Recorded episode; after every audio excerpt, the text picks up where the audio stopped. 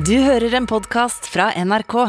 Jeg tror jeg starter med en tilståelse, først som sist. Og det er at jeg syns eh, forsvarspolitikk er noe av det vanskeligste og minst tilgjengelige vi kan uh, sysselsette oss med. Og jeg vegrer meg veldig for å ha forsvarsdiskusjoner, for jeg syns det er så vanskelig å sette seg inn i det. Det er så vanskelig å forstå. Det handler sikkert litt om interesse. Kan være det. Uh, men jeg syns ikke de alltid gjør det lett for oss heller, de som er aktørene på feltet. Men nå er jo hele verden opptatt av forsvarspolitikk, selvfølgelig. Og etter å ha sittet pal og, sett, og hørt på forsvarsforskere som snakker om taktiske framrykkinger i Ukraina og alt sånt, så føler også jeg at det på en måte har blitt mer tilgjengelig, da. Men vi trengte jo likevel et veldig konkret utgangspunkt, fordi forsvarspolitikk er så stort og så omfattende. og Man kunne liksom ha diskutert alle de mulige truslene Norge står overfor, kompleksiteten i, de trussel, i det trusselbildet osv. Men da tror jeg, det fort hadde flytt helt ut. Så vi eh, tok tak i Sverre Disens konkrete um, utspill om at Forsvaret per i dag har ja, det kalles vel et konsept som handler om at man skal kunne holde store, hele, store deler, eller hele eh, Finnmark, inntil de allierte kommer. Han mener da det er helt urealistisk. Han eh, sier at det vil bare ikke la seg gjøre, og da må man tenke annerledes. Men hans alternativ, som vi skal forstå, møter veldig hard motbør. Sverre Disen kan understreke det før vi setter i gang her, at uh, han uttaler seg her kun som tidligere forsvarssjef. Han er tilknyttet FFI, altså Forsvarets forskningsinstitutt, uh, nå, men det er ikke den funksjonen han opptrer her i kveld.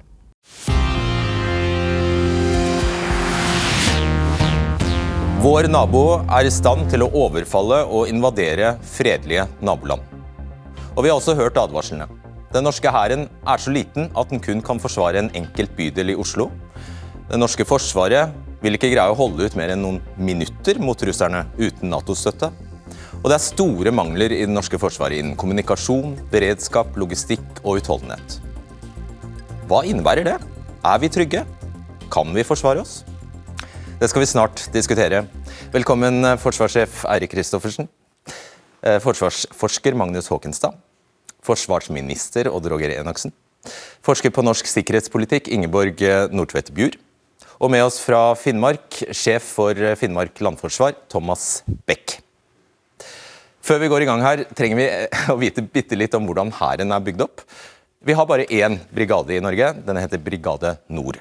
Og Den består av om lag 4500 soldater og er delt inn i åtte bataljoner, som vi ser her. Brigade Nord holder til i Indre Troms. I dag er det Forsvarets plan, hvis Russland angriper Norge, at brigaden med stridsvogner og pansrede kjøretøy flyttes fra Troms og inn i Finnmark. Da må de kjøre E6 og kjøre en 300 km lang korridor mellom Lyngen og Alta. Hvis de kommer fram, er målet å prøve å holde så store deler av Finnmark som mulig til vi får alliert hjelp. Dette er en helt urealistisk plan. Det er en plan som kommer til å falle i fisk, sier min første gjest. Det er tidligere forsvarssjef Sverre Disen. God kveld. God kveld.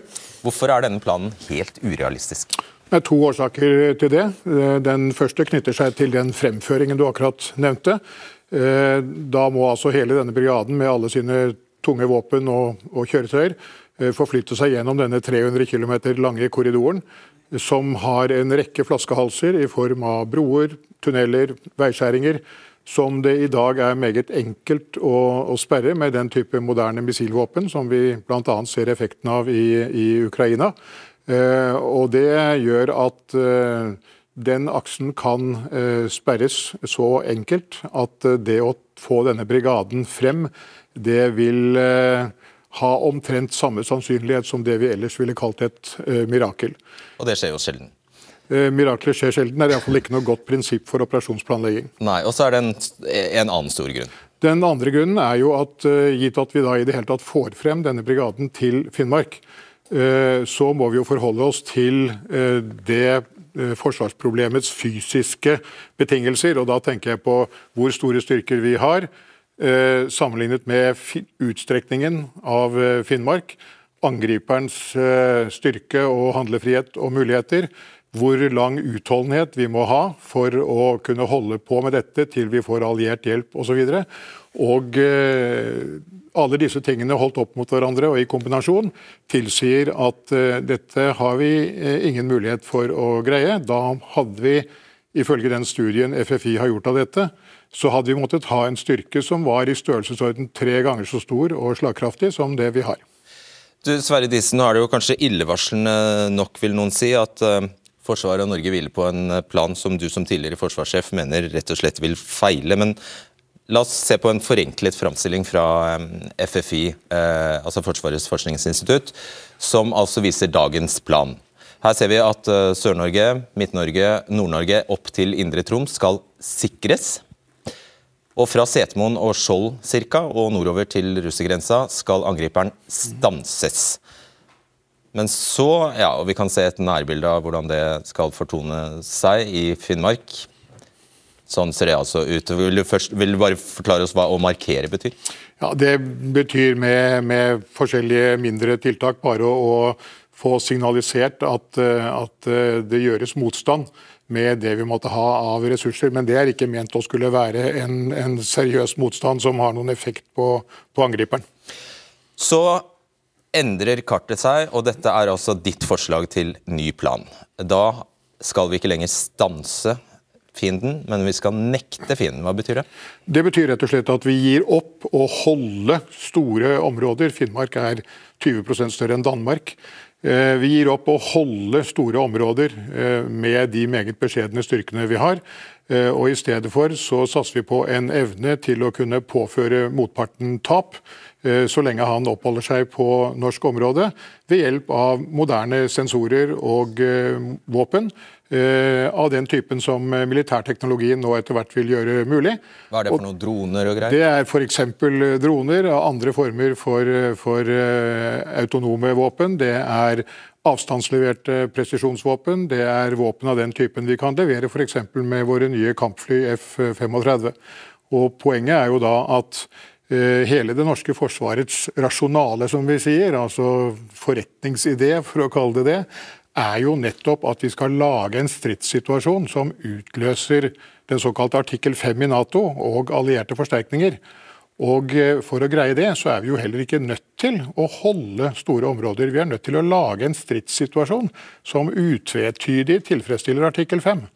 Og Det forutsetter altså ikke verken logisk eller erfaringsmessig at vi skal holde store områder hvis vi kan påføre angriperen tap. USA og Nato er nødt til å skjønne hva som skjer, og erkjenne at det som har skjedd her, er at Russland har angrepet oss. Det er riktig. Eh, hva skjer med sivilbefolkningen i en situasjon der vi ikke gjør forsøk på å, å holde Finnmark? Det blir, eh, tror jeg, ikke noen vesentlig forskjell for sivilbefolkningen hva enten vi benytter det ene forsvarskonseptet eller det andre. Det vil komme mer an på hvordan angriperen opptrer. Eh, i eventuelle besatte områder. Eh, men det er klart, det å være eh, krigsteater, det er jo ikke under noen omstendighet, og uansett konsept, så er det selvfølgelig en, en uhyggelig opplevelse. Ja, ikke, ikke, sant. Og dette jeg vil tippe det går ganske kaldt nedover ryggen på mange finnmarkinger når du sier dette, dette her. Sa du nå nettopp at de er i russernes vold uansett? Ja, det er de på mange måter. Og så skal vi også huske at vi har aldri, heller ikke under den kalde krigen, hatt noen ambisjon om å kunne holde Finnmark. Eh, det er derfor hele Forsvaret i dag befinner seg i Troms det var nettopp erkjennelsen av at i Finnmark skal vi kun ha forsinkende og forstyrrende operasjoner. Det er først når vi kommer tilbake til Troms at terrenget gir oss en mulighet for å forsvare oss mot en, en tallmessig overlegen angriper. Og, eh, og, det var for så vidt et, et, helt akseptert faktum under hele den kalde krigen. Men da blir jo Finnmark Krim, da? Eh, nei, det gjør det ikke. For poenget er ikke at vi skal oppgi det på noen måte, men poenget er at vi kan ikke forsøke å gjøre noe som vi altså ikke har ressurser til, og som er fysisk mulig.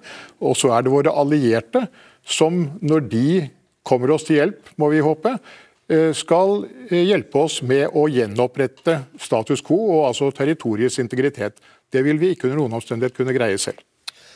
Du sier at det vil kreve en tredobling av den styrken vi allerede har her. Hva koster noe sånt nå? Ja, Det er i hvert fall, uten at jeg skal ta det på strak arm, FFIs beregning av dette er altså at dette vil kreve en, en styrke som ja, er ca. tre ganger så stor som den vi har. Og ikke bare det, for å omgå dette fremføringsproblemet og denne korridoren, så må denne styrken være stående og i utgangspunktet plassert i Finnmark. Og det er jo ikke bare eh, hinsides alle budsjetter som er noenlunde realistiske. Det fører jo også til at vi får et svært militært fotavtrykk i Finnmark, som er direkte i strid med det sikkerhetspolitiske ønsket om et minst mulig fotavtrykk i Finnmark. Det vil ikke Så, russerne like? Det vil de åpenbart ikke, ganske særlig ikke når vi begynner med allierte forsterkningsøvelser i et sånt konsept. Så du kan si at her er det en mangel på sammenheng mellom det operative konseptet, den sikkerhetspolitiske eh, overbygningen og de økonomiske rammene. Du, I ditt uh, konsept finnes det noen som helst eh, stridsvogner eller pansrede kjøretøy? eller noe sånt? Ikke i Nord-Norge. Uh, jeg tror det vil være hensiktsmessig at f.eks. Telemark bataljon, som vi stadig bruker ute i Nato-oppdrag, i den type avdeling, de vil kunne gjøre seg nytte av det. Men i Nord-Norge så tror jeg ikke det har noen plass i det operasjonskonseptet som vi bør etter min mening ha der. Er ditt forsvar billigere eller dyrere enn dagens? Eh, det er helt avhengig av eh, hva vi er villige til å, å bruke på det. Men forskjellen på eh, det konseptet vi har i dag og det jeg foreslår, eller ikke bare jeg, men andre også for så vidt foreslår, det er jo at dagens konsept skalerer ikke, som vi sier. Vi er nødt til å holde i 30 dager hvis det tar 30 dager å få alliert hjelp. Holder vi bare i 15, så gir ikke det 50% av effekten, det gir null. Eh, mens eh, det konseptet som altså er alternativet, det vil gi effekt fra første krone og, og første skudd. Så, så, bare eh, Det du sa nå var Hvis dagens plan ikke holder 100 mm. så kollapser planen, og da er forsvaret av Norge ute å kjøre? Hvis vi skal holde store områder i Finnmark like lenge som det vil ta å få allierte forsterkninger, og det tar minimum 30 dager, Eh, sannsynligvis litt mer, like lenge som krigen i Ukraina har pågått til nå, ja, så sier det seg selv at hvis vi da bare greier dette i 15 eller 20, så har vi forspilt hele vår nasjonale hærressurs uten at oppgaven er blitt noe enklere for våre allierte. Mens hvis vi derimot har bare som ambisjon å kunne påføre motparten tap, så lenge han oppholder seg på norsk område, så er vi altså ikke på samme måte avhengig av å greie dette på en bestemt måte inntil et visst uh, tidspunkt. Ok, jeg skjønner, Sverre Dissen. Tror jeg skjønner. Uh, det er selvfølgelig delte meninger om dette her, så du skal få bli med bort til panelet, så diskuterer vi det. Takk.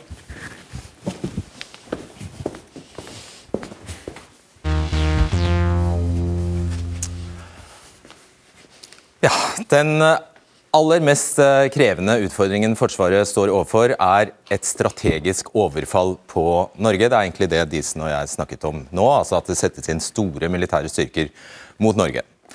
I denne tabellen fra Forsvarets forskningsinstitutt fra 2019 vurderer FFI ytelsen til Forsvaret i dag og fram til slutten av langtidsplanen, som er i 2037. Rødt betyr at Forsvaret ikke vil greie å håndtere oppgaven. Gult betyr at det er en del mangler, og grønt betyr at det ikke er noen mangler. Og Vi ser da altså at det aller mest alvorlige scenarioet her, det mener forskerne at Forsvaret ikke vil klare å håndtere. Ikke i 2018, ikke i 2024, bare delvis i 2030 og delvis i 2037. Og så finnes det selvfølgelig mange andre trusler mot Norge. Jeg skal bare raskt ramse opp eh, disse som står til eh, venstre her. Altså, eh, det kan rettes et begrenset angrep.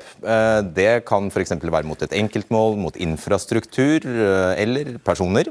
Tvangsdiplomati det betyr at det ikke settes inn militære, at det ikke kommer noe militært angrep, nødvendigvis, men et kraftfullt signal til Norge om at vi kan bli angrepet, blir sendt. Subversjon ja, det betyr at det kan handle om å forstyrre norske eller allierte operasjoner på et eller annet vis. Og et terrorangrep, det skjønner vi. Greit. Uh, bare Den røde fargen her, Disen. Ja. Den røde fargen, helt, uh, De to øverste rutene her til venstre. Det mener du bekrefter det du har sagt, eller? Ja, det er det det gjør. Og det er jo altså fordi vi, fordi vi prøver å gjøre noe vi fundamentalt ikke vil være i stand til innenfor noe realistisk budsjett. Det er jo derfor disse rutene fortsetter å være røde. Uh, og det er altså uh, det vi kunne greie hvis vi reduserte ambisjonsnivået til noe som er uh, overkommelig. Så ville disse rutene få en annen farge. Eirik Kristoffersen, forsvarssjef. Dette er jo helt forferdelig? Ja, det, det Disen beskriver er jo forferdelig. Men så er jo ikke verden akkurat sånn som Disen beskriver den. Altså, Hadde vi lagt det her til grunn i krigen i Ukraina, så hadde jo russerne og Putin lykkes i Ukraina. Og det lykkes han ikke med. Så, eh, så verden er ikke så svart-hvitt som det blir fremstilt her. Hvor tar han mest feil? Han tar mest feil i at det finnes én plan. Eh, det finnes mange planer. Og Et alternativ er jo å flytte hærstyrker til Finnmark, men det er også andre alternativ, basert på den situasjonen vi til enhver tid befinner oss i. Eh, og så har Disen selvfølgelig rett i forhold til de premissene han legger til grunn, men det er jo også situasjonsavhengig, og, og det har vi sett. Og i Nord-Norge, nå under Cold Response f.eks. Eh, og alle som har reist der oppe, vet hvor lange forsyningslinjer det krever hvis noen skulle utfordre Norge. Og Det siste jeg vil si eh, før vi går videre, det er jo at eh, Forsvarets rolle er jo nettopp å hindre krig. Og Det er jo derfor vi har bygd opp Finnmark landforsvar. For å lage terskelen for å kunne gjennomføre en operasjon mot Norge så høy at kost-nytte-kalkuleringa til en eventuell motstander gjør at de ikke Eh, velger å angripe. Så Det primære funksjonen vi har, er jo, er nettopp å hindre krig. Og, og, vi er jo den nasjonen med grensen til Russland som aldri har vært i krig, verken med Russland eller Sovjet. og Sånn har vi tenkt at det skal fortsette å være. Ja, Bank i bordet. Vil du svare kort? Ja, nei, altså øh, Det er jo øh, ikke sånn at vår evne til å avskrekke en krig den er verken større eller mindre enn vår evne til å utkjempe den hvis den allikevel kommer. Eh, og Hvis vi tror at vi med en, en liten styrke på la oss si Porsangmoen i Finnmark eh, skal kunne håndtere f.eks. da vi får en, en, et raid eller en, en sjølandsetting, en luftlandsetting mot La oss ta som eksempel denne radaren i Vardø så er det 350 km fra Porsangmoen til eh, Vardø. Og da er mitt spørsmål, skal man da sette seg i stridsvognene sine og kjøre de 350 km for å engasjere den styrken? Eh, og mitt poeng er jo at det er mange planer og det er mange forutsetninger, men vi må jo da ta utgangspunkt i det vi ser som den viktigste utfordringen og den dimensjonerende trusselen, og se hva vi kan gjøre med den. Det er det som er prinsippet for dimensjoneringen. Ja, Russland vil alltid være for stor for Norge alene. Og Derfor er det jo eh, vi nettopp øver så tett med våre allierte og har forhåndsplaner, ikke bare med Nato, men også bilateralt. Eh, også derfor vi har styrka et, eh, et, nordisk samarbeid betydelig. Hvis du ser på den skandinaviske halvøya under ett, så ser situasjonen annerledes ut enn hvis du kun ser på, på norgeskartet. Du nevnte Forsvaret av Finnmark. Skal faktisk eh, snakke med deg nå, Thomas Beck. Du er operativ sjef for Finnmark landforsvar. Med andre ord, du har ansvaret for Forsvaret og beredskapen for, for eh, finnmarkingene. Disen her har en tendens til å male russerne tre meter høye, har du tidligere sagt. Hva mener du med det? Nei, Jeg syns det fremgår av det han for så vidt sier nå, at uh, han sitter litt fast i den kalde krigens trussel, hvor uh, motstanderen var betydelig overlegen Nato. Uh, det vi ser i dag, er jo at Nato som er konvensjonelt overlegne Russland. Og Det vil jo bety at de vil kunne sette inn begrensa ressurser i Finnmark.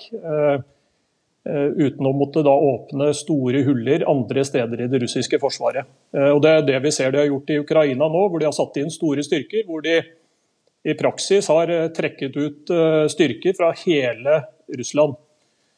Så Poenget vårt er at vi opplever at vi ikke står overfor den trusselen jeg innimellom oppfatter at Disen sitter inne i men at vi har en, eh, en begrensa trussel som eh, vi kan håndtere en kortere periode nasjonalt. Ja, Men jeg bare regner med at din oppgave også er å ta høyde for verstefallsscenarioer, er det ikke det? I aller høyeste grad, og det gjør jeg med de styrkene jeg har. Men eh, det er også viktig å få fram at det er ikke bare Finnmark landforsvar som skal forsvare Finnmark. Det er andre hærstyrker, sånn som Brigade Nord, som har vært nevnt tidligere. Men vi har også et veldig tett samarbeid med spesialstyrkene Sjøforsvaret, Luftforsvaret, Cyberforsvaret, Etterretningstjenesten osv. Og I tillegg som forsvarssjefen var inne på, så trener og øver vi jo sammen med de allierte også, som hurtig kan settes inn. Så selv om vi ikke, ja, unnskyld.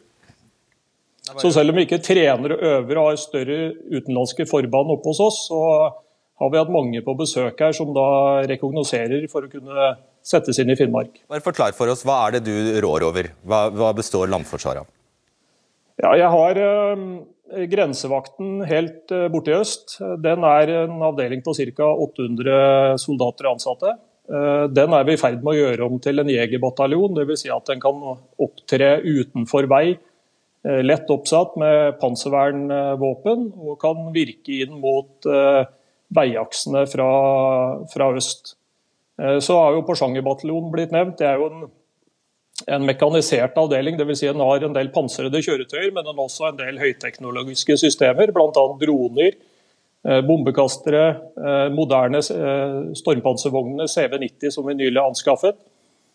Som er en mobil ressurs som kan settes inn i hele Finnmark. Den er i dag på ca. 200, og kommer de neste årene til å øke til mellom 400 og 500.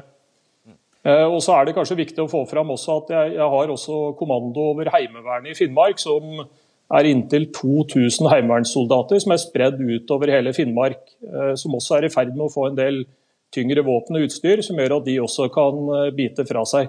Du, jeg tror du skal få Jeg tror vi har skjønt sånn cirka hva dere gjør, og så blir du med, med oss videre, Thomas Beck. Odd Roger Enoksen, forsvarsminister. En litt uærbødig oppsummering av det Disen her eh, sier, er jo at Finnmark er tapt eh, hvis vi fortsetter den planen, utfører den planen som ligger, ligger på bordet. Nei, sånn kan vi vel det. Han sa nok ikke at Finnmark er tapt. Eh, han sa ikke det. Men nå har det også kommet noen motforestillinger. For det første så vil jeg understreke at det norske forsvaret er bygd på tre pilarer. Vi skal ha et godt forsvar sjøl. Vi skal ha bilaterale avtaler med andre. Det har vi med de nordiske landene med USA, med Storbritannia, og vi er medlem av Nato. Det er helt riktig som det blir sagt fra Finnmark her. Nato er en militærmakt som er Russland fullstendig overlegen. Terskelen for å angripe et Nato-medlem vil være særdeles eh, høy. Ja, men Vi snakker det, nå egentlig om hva, hva, hva, gjør vi hvis de likevel eh, gjør det, og hvor lenge kan vi ja, holde på med det? Og eh, Jeg skal komme til det. Eh, så terskelen for å angripe Norge vil være særdeles høy. Så eh, så vi før angrepet på Ukraina. Det krever enorm logistikk, det krever forberedelser. Allerede før jul så var det store russiske styrker på plass mot grensa, hvor de riktignok sa at de øvde. Men dette er oppbygging til krig, som tar tid. Så den, en, en, krig på den måten som Disen beskriver, vil også ha en viss varslingstid. Og så er det selvfølgelig nye, moderne våpen som gjør at det kan skje på relativt uh, kort tid. Men vi vil ikke være uten forberedelsestid heller i forhold til et eventuelt angrep på Norge. Det vil, det vil man se gjennom etterretning som blir gjort, det vil man se i form av forberedelser. Og på den måten så kan man også forberede allierte styrker, uh, mobilisere det vi har sjøl og på den måten møte en eh, fiende i nord. Skjønner du, men Enoksen, Hvis du ikke har den tiden, da, og de kjører seg fast på E6? Som, som, det blir sagt, eh, også fra forsvarssjefen, det finnes alternative planer. Dette er én plan, det er ett scenario. Vi har Finnmark landforsvar. Vi har nye, moderne F-35-fly, eh, som er en stor kampkraft. Vi har en bilateral avtale med Finland. De kjøper nå Eh, over 60 eh, F-35. Til sammen er dette en enorm kapasitet som også vil kunne brukes i et forsvar av Finnmark. Ja, Ingenting ville være bedre enn at Sverige og Finland ble medlem av Nato. Det ville faktisk endre hele dette problemet ganske grunnleggende. Men, men altså, jeg vil gjerne tilbake til dette som altså alltid er eh, vanskeligheten når vi diskuterer disse tingene. Og det er å få eh, skal vi si, de som ønsker å beholde dagens konsept, til å forholde seg til de fysiske konstantene og størrelsene vi snakker om. Eh, og Da har liksom ikke det globale styrkeforholdet mellom, mellom Russland og Nato noe særlig med saken å gjøre. Spørsmålet er hvis vi med de styrkene vi har, skal holde store områder i Finnmark mot den type angrep som vår egen etterretningstjeneste kan uh, fortelle oss at er tenkelig og mulig, uh, i 30 dager før vi får alliert hjelp, ja, så er det det som er den realiteten vi må forholde oss til. Og Det er altså det vi ser på denne matrisen, at det greier vi ikke. Ikke i, ikke i år, ikke neste år, ikke om ti år. Ja, her har Disen et poeng. Altså, eh, Forsvaret endrer seg, både hos oss og hos andre. Ny våpenteknologi, nye angrepsmetoder. Det er en av grunnene til at vi har nedsatt en forsvarskommisjon som nå skal arbeide, legge fram et forslag til hvordan Forsvaret bør utvikles i framtida. Det er helt klart at også vi må ha nye kapasiteter. Eh, drone er et sånt eh, verktøy, eller et våpensystem eller et etterretningssystem, det kan brukes til mange ting, som vil komme til å være sentralt. Space vil komme til å få en viktigere oppgave også i forhold til etterretning, kommunikasjon. Eh, rom, rom, rom, verdensrommet. Bruk av satellitter, f.eks. Um, og så, og så um, det siste. Også må vi ikke glemme at det er noen sånne angrep som ligger under en militær trussel, som vi også kommer til å se mer av i framtida, og det er retta mot cyber. Det å styrke cyberforsvaret, styrke mot digitale angrep, blir også en viktig del av det vi må gjøre fremover. Nettopp. Eh, Magnus Håkenstad, du er doktorgradsstipendiat ved Institutt for forsvarsstudier. Eh, hva sier du til, eh, til det Disen sier? Nei, altså, Nå er ikke jeg rett mann til å overprøve generalene her når det gjelder de operative planene, men den diskusjonen, som går, den diskusjonen som går her, den peker på noen av de, de underliggende problemene som Forsvaret sliter med. Nettopp det at, at, man blir tvunget inn i valg mellom Man blir låst til visse alternativer i det som tross alt er en ganske avgrenset operasjonelt spørsmål. Um, og Dette er dilemmaer som tvinger seg fram, og dilemmaer som Forsvaret har vært nødt til å stå i de siste 20-30 år. I hvert fall nettopp fordi ressursgrunnlaget, forsvarsbudsjettene, har vært såpass begrensa som de tross alt har vært. Eh, og Jeg vil påstå at, at, den enkleste og kanskje også eneste måten å komme seg litt ut av disse dilemmaene, slippe å ta de kjipe valgene hele tiden, det er rett og slett at vi må prioritere Forsvaret ganske mye høyere i statsbudsjettene fremover. Eh, mer enn 2 kanskje opp mot 3% som det lå eh, på under den forrige kalde krigen. Vi, eh, la oss oversette to ikke sant? Vi, hører, nå begynner vi.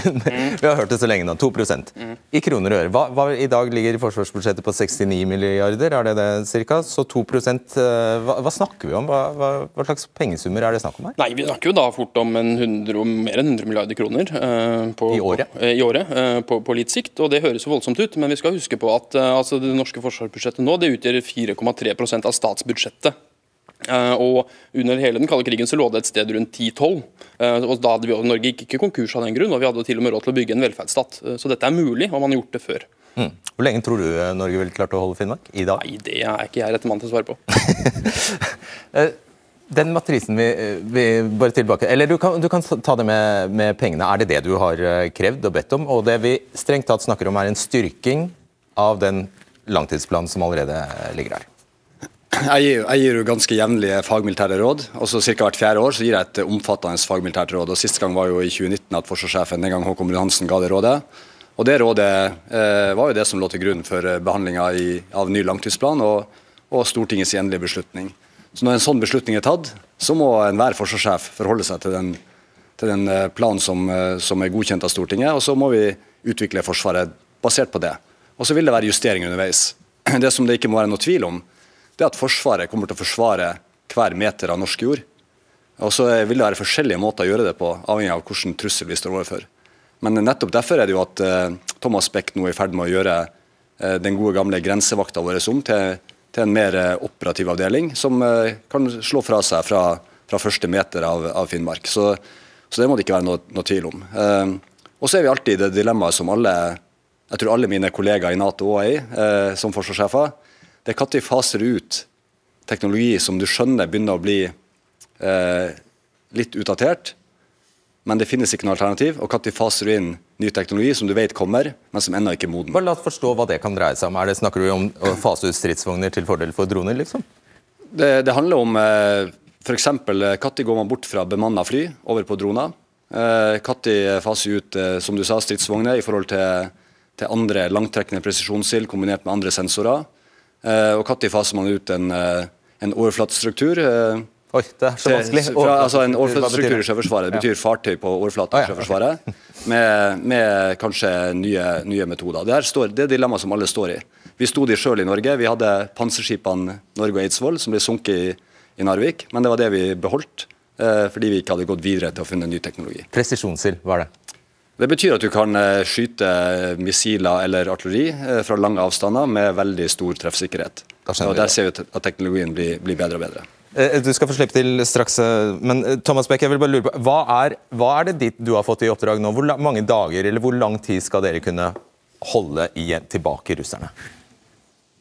Ja, det er, det er et godt spørsmål. Vi, skal i hvert fall gjøre vårt for å ta ut mest mulig tid, slik at vi muliggjør at Brigade Nord og allierte kommer seg til opp her. Jeg vil snu litt det regnestykket til Disen på hodet. Han snakka om vel 300 km for Brigade Nord for å komme seg til Alta. Hvis vi snur litt på det, så er det 600, over 600 km fra Storskog, grensa til Russland, til du kjører ut av Finnmark i vest. Brigade Nord skal jo da bevege seg gjennom et uh, terreng som er eh, befolka av nordmenn som uh, mest sannsynlig er forsvarsvennlige. Russerne skal bevege seg 600 km langs noen få veier i Finnmark, hvor jeg er rimelig sikker på at finnmarkinger og oss i Finnmark landforsvar kommer til å sette seg til motverge. Jeg, ja. ja jeg bare fullfører setningen. Nei, og jeg kjøper ikke helt premisset til Disen om at vi skal, vi skal, sitte og kontrollere eh, store deler av Finnmark. Eh, det kan vi gjøre gjennom å kontrollere en del nøkkelpunkter. Vi snakker om havner, flyplasser, og vi snakker om et fåtall veier. Det er altså ikke sånn at Finnmark er flatt, og at det bare er å manøvrere over hele Finnmark. Eh, vi har jo sett at En av svakhetene til russerne har vært at eh, forsyningene deres eh, går på lastebiler. Nå har Flere av veiene i Finnmark har vært stengt også den siste uka pga. dårlig vær.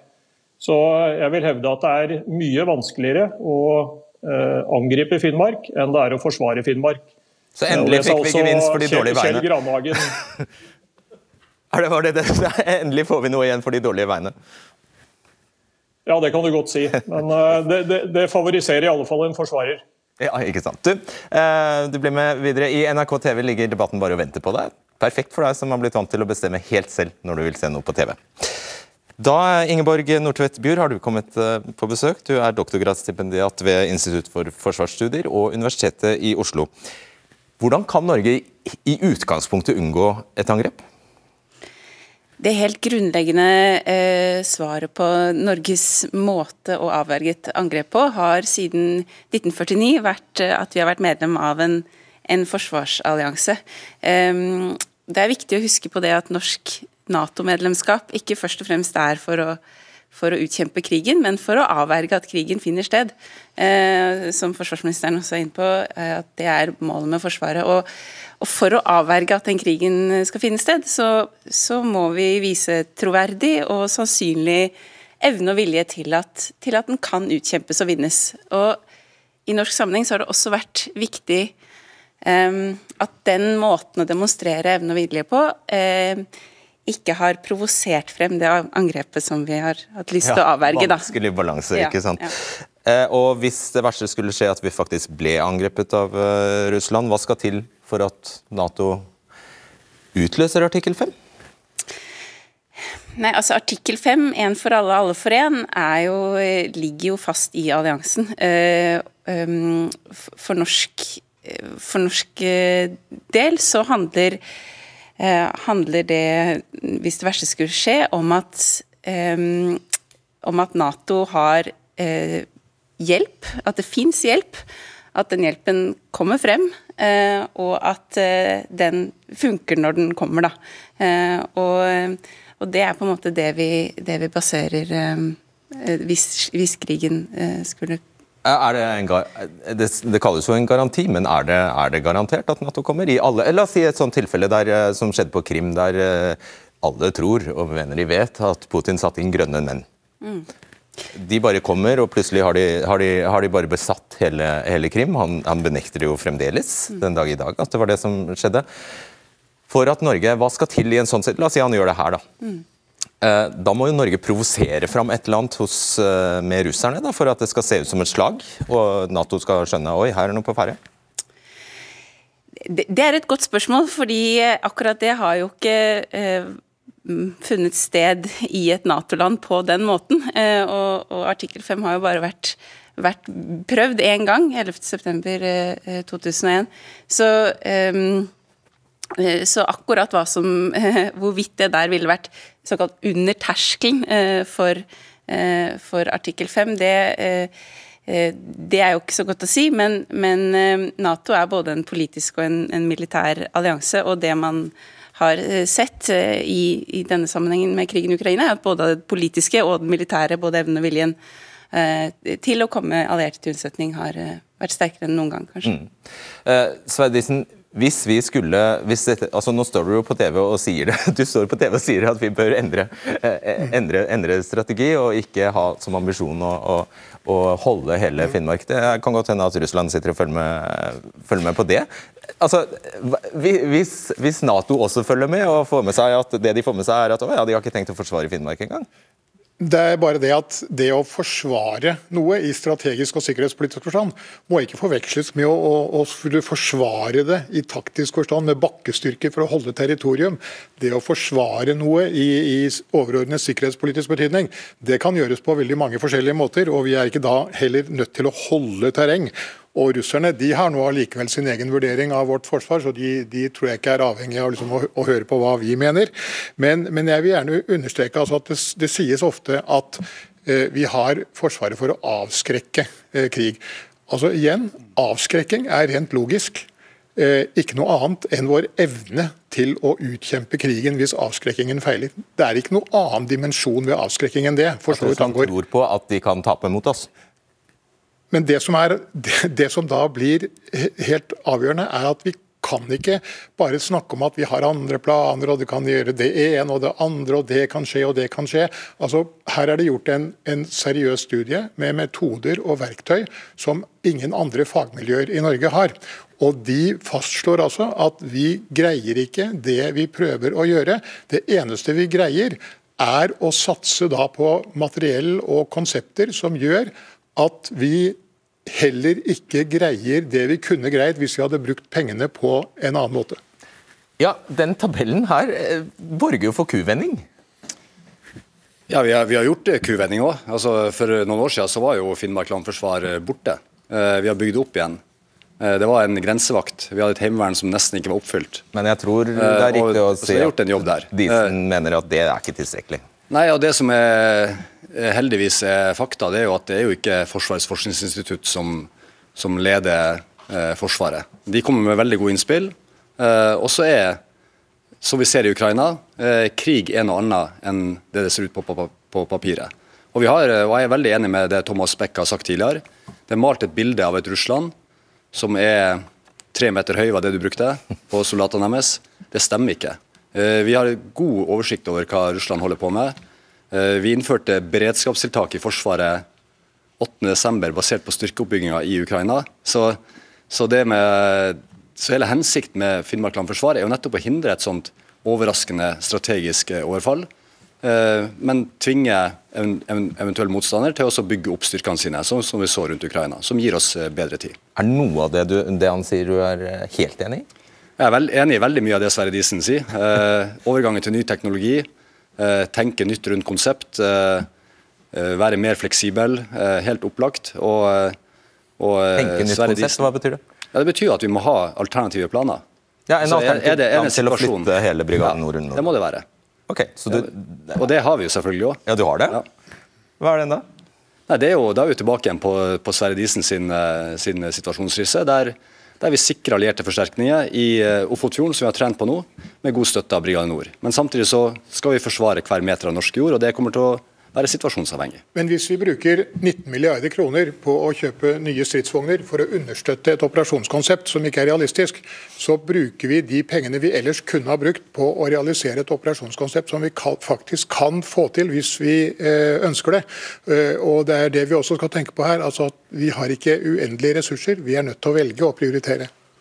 Og det gjør vi hele tida. Ja, men du går hen og kjøper nye stridsvogner i en tid da du egentlig burde fase dem ut, sier han. Ja, Det er jeg ikke enig i. Så det blir, det blir nye stridsvogner. Så du gjør begge deler, egentlig? Vi gjør begge deler. Ja, ja det, det, blir nye stridsvogner. og Disen sier jo også selv at vi må ha stridsvogner. og Så får vi komme tilbake til hva vi skal ha i tillegg. Jeg vil, jeg vil gjerne understreke på nytt igjen at vi skal bygge opp Forsvaret videre framover. Vi har i år bevilga 3 milliarder kroner ekstra utover det som var bevilga i budsjettet, nettopp for å styrke Forsvaret. Vi skal fortsette å styrke Forsvaret framover, bygge opp i nord. Vi skal, eh, eh, mange ting som skal bli gjort. også I tillegg, så som jeg har, allerede har sagt, Forsvarskommisjonen og det nye fagmilitære råd vil også stake ut kursen framover. Og ny teknologi vil garantert komme etter hvert. Det er jo i ytterste instans ditt ansvar da, at den, de, den tabellen der ikke er blodrød. Så når, når, kommer den til å slutte å være rød?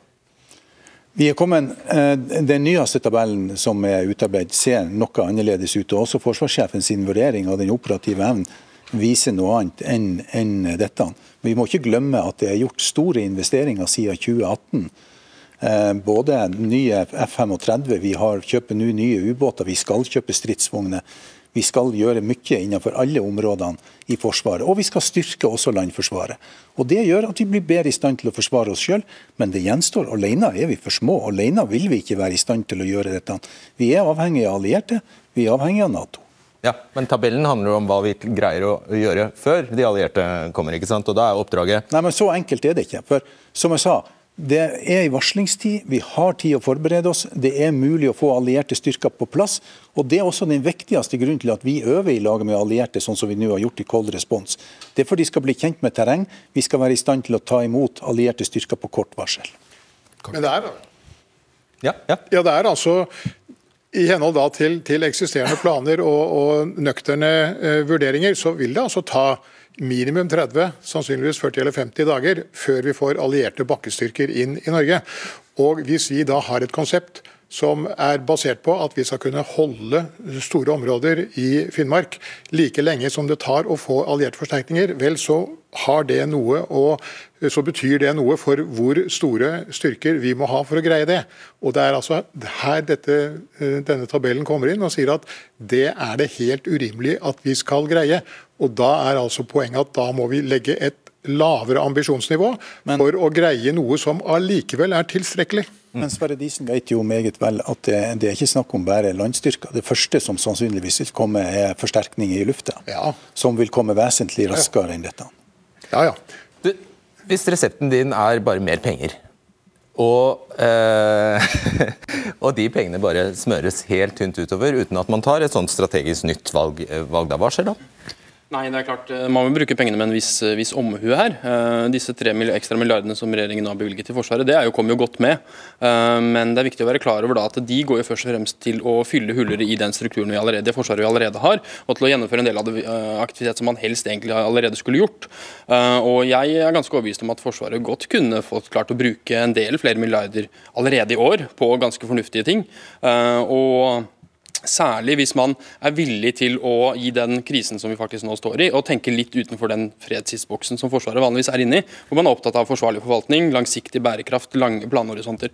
Jeg mener og tror at det her vil være mulig å få til vesentlig mer på kort sikt. Vil, russer, vil det kunne ha en altså, Hvordan Risikerer vi at eh, Russland eh, får med seg det, at vi russer kraftig opp, og så er vi i gang? Ja, det, det, vil jo ikke være snakk om noen kraftige opprustninger. Det vil jo være snakk om å sette det forsvaret vi allerede har i, har i, stand til å fungere sånn som det skal. Så jeg tviler på at det vil bli oppfattet som veldig skremmende. Med hånda på eh, hjertet, Christoffersen. Kunne du ha sagt omtrent det samme som Disen hvis du bare ikke hadde hatt stillingen nå? Nei, det vil jeg ikke ha sagt. Eh, for at jeg har veldig tro på at eh, vi skal klare å forsvare hver meter av norsk jord. Og så vil jo den, eh, det forsvaret by på en motstand som gjør at, at, Russland vil tenke seg nøye om. Og Så skal vi huske på at, at litt av grunnen til oppbygging av Finnmark landforsvar, og til at vi seiler mer utfor norskekysten og flyr mer utfor norskekysten, kjøper f.eks. P8 nye overvåkningsfly, er for at vi er tjent med lavspenning i nord, og det samme er Russland. Så det at vi har norske soldater på, på plass, eh, norske fartøy, norske fly, gjør også at det, det, forholdet vi har til Russland, som er bygd opp over mange mange år, eh, med gjensidig respekt, eh, bevares. Og det, det, er viktig for meg som forsvarssjef òg. Mm. Og det er et svært viktig poeng som jeg vil understreke. Nettopp det å bidra også til avspenning. Så Det er også den viktigste jobben vi gjør i nord. Det er å følge med hva som skjer, men å bidra til at vi har lav spenning i nord. Og så vil jeg også si at Vi kan gjerne ønske oss at vi skulle bruke 3% av bruttonasjonalprodukt på forsvar. Men vi er et lite land med mangel på menneskelige ressurser også. Det å få ha folk nok til å bemanne et sånt forsvar som vi her snakker om, det tror jeg ikke ville være mulig, rett og slett. Å oh ja, du tror ikke det er, Du har pengene, men du har ikke folka? Jeg har et forsvarsbudsjett som vi skal styrke i årene framover. Vi skal bygge opp mer, men det er langt fra 69 milliarder som vi bruker i dag, og opp til 100 milliarder eh, hvis vi skulle ha brukt det i dag. Det har vi ikke personell til som vil kunne bemanne et sånt forsvar. Det er jo en god, eh, en god, begynnelse da, i hvert fall å bruke de pengene vi har på en effektiv måte. Og Da er vi altså stadig tilbake til dette som vi hører her, som er at Eh, det kommer veldig mange slike skal vi si, litt luftige alminneligheter om hva vi gjør og hva vi trenger og hva vi skal uh, få til, uh, slik og sånn. Men, men altså, det, er, det, er, altså igjen denne uviljen mot å forholde seg til, til konkrete fysiske størrelser. Og, og, det vi altså faktisk kan uh, finne ut ved å studere dette problemet litt systematisk, så ser vi at det vi prøver å gjøre, det er ut fra alminnelig militært skjønn og, og, også ting vi kan altså rett og slett regne på. Det har formodningen mot seg, for å si det svært svært forsiktig. Nei, men Sverre Disen, det, Sverre Disen, det er ikke noen som har avvist argumentene dine om at vi må ha nye kapasiteter på plass. Det vil komme. Eh, droner vil komme, f.eks., som du tar, tar til orde for. Du, si, noe, si et uh, fortrøstningsfullt ord til uh, finnmarkingene idet vi går og lufter.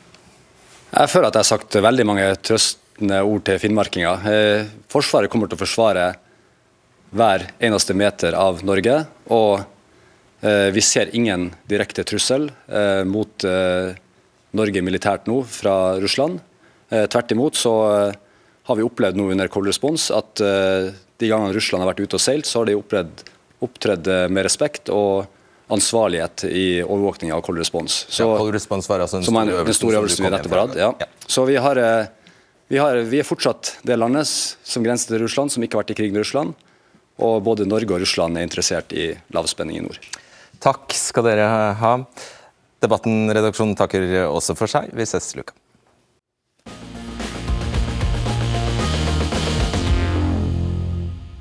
Jeg ble gjort oppmerksom av Marit Arnstad, parlamentarisk leder i Senterpartiet, eh, etter sending her, om at eh, Sverre Disen jo er nærmest sjefarkitekten bak det forsvaret vi faktisk har i dag. Og hun mener det var utrolig at Disen fikk sitte og framstå som en ekspert og foredra om militærstrategi, en militærstrategi han da har vært den fremste pådriveren for siden 2001, og dermed bidratt til den situasjonen vi er oppe i, mener eh, Arnstad. Ja, um, det skulle jeg egentlig gjerne ha tatt opp, og det hadde jeg vært oppmerksom nok, så hadde jeg jo gjort det, da. Eh, eller redaksjonen hadde det. Så ja, det kan jeg ta selvkritikk på, at vi ikke konfronterte han med. Men når det er sagt, så har Ja, det manglet jo ikke på motstemmer her, da. Det vil jeg til mitt forsvar si. Men det er notert, Marit Arnstad. Ellers så håper jeg det ble nokså forståelig, dette her. Og jeg tror, som, som jeg sa i innledningen, at vi er eh, litt eh, mer innstilt på å fordøye denne typen eh, fagtermer og denne Vi er litt innsatt i problemstillingene, rett og slett, pga. den tragiske situasjonen i Ukraina. Det er jo alvorlige greier, dette her, men jeg håper altså at uh, de som har lett for å ligge søvnløs, uh, fester seg ved det Christoffersen sa her på slutten. Greit, jeg avslutter her, og så høres vi til uka. Ha det bra. Du har hørt en podkast fra NRK. De nyeste episodene hører du først i appen NRK Radio.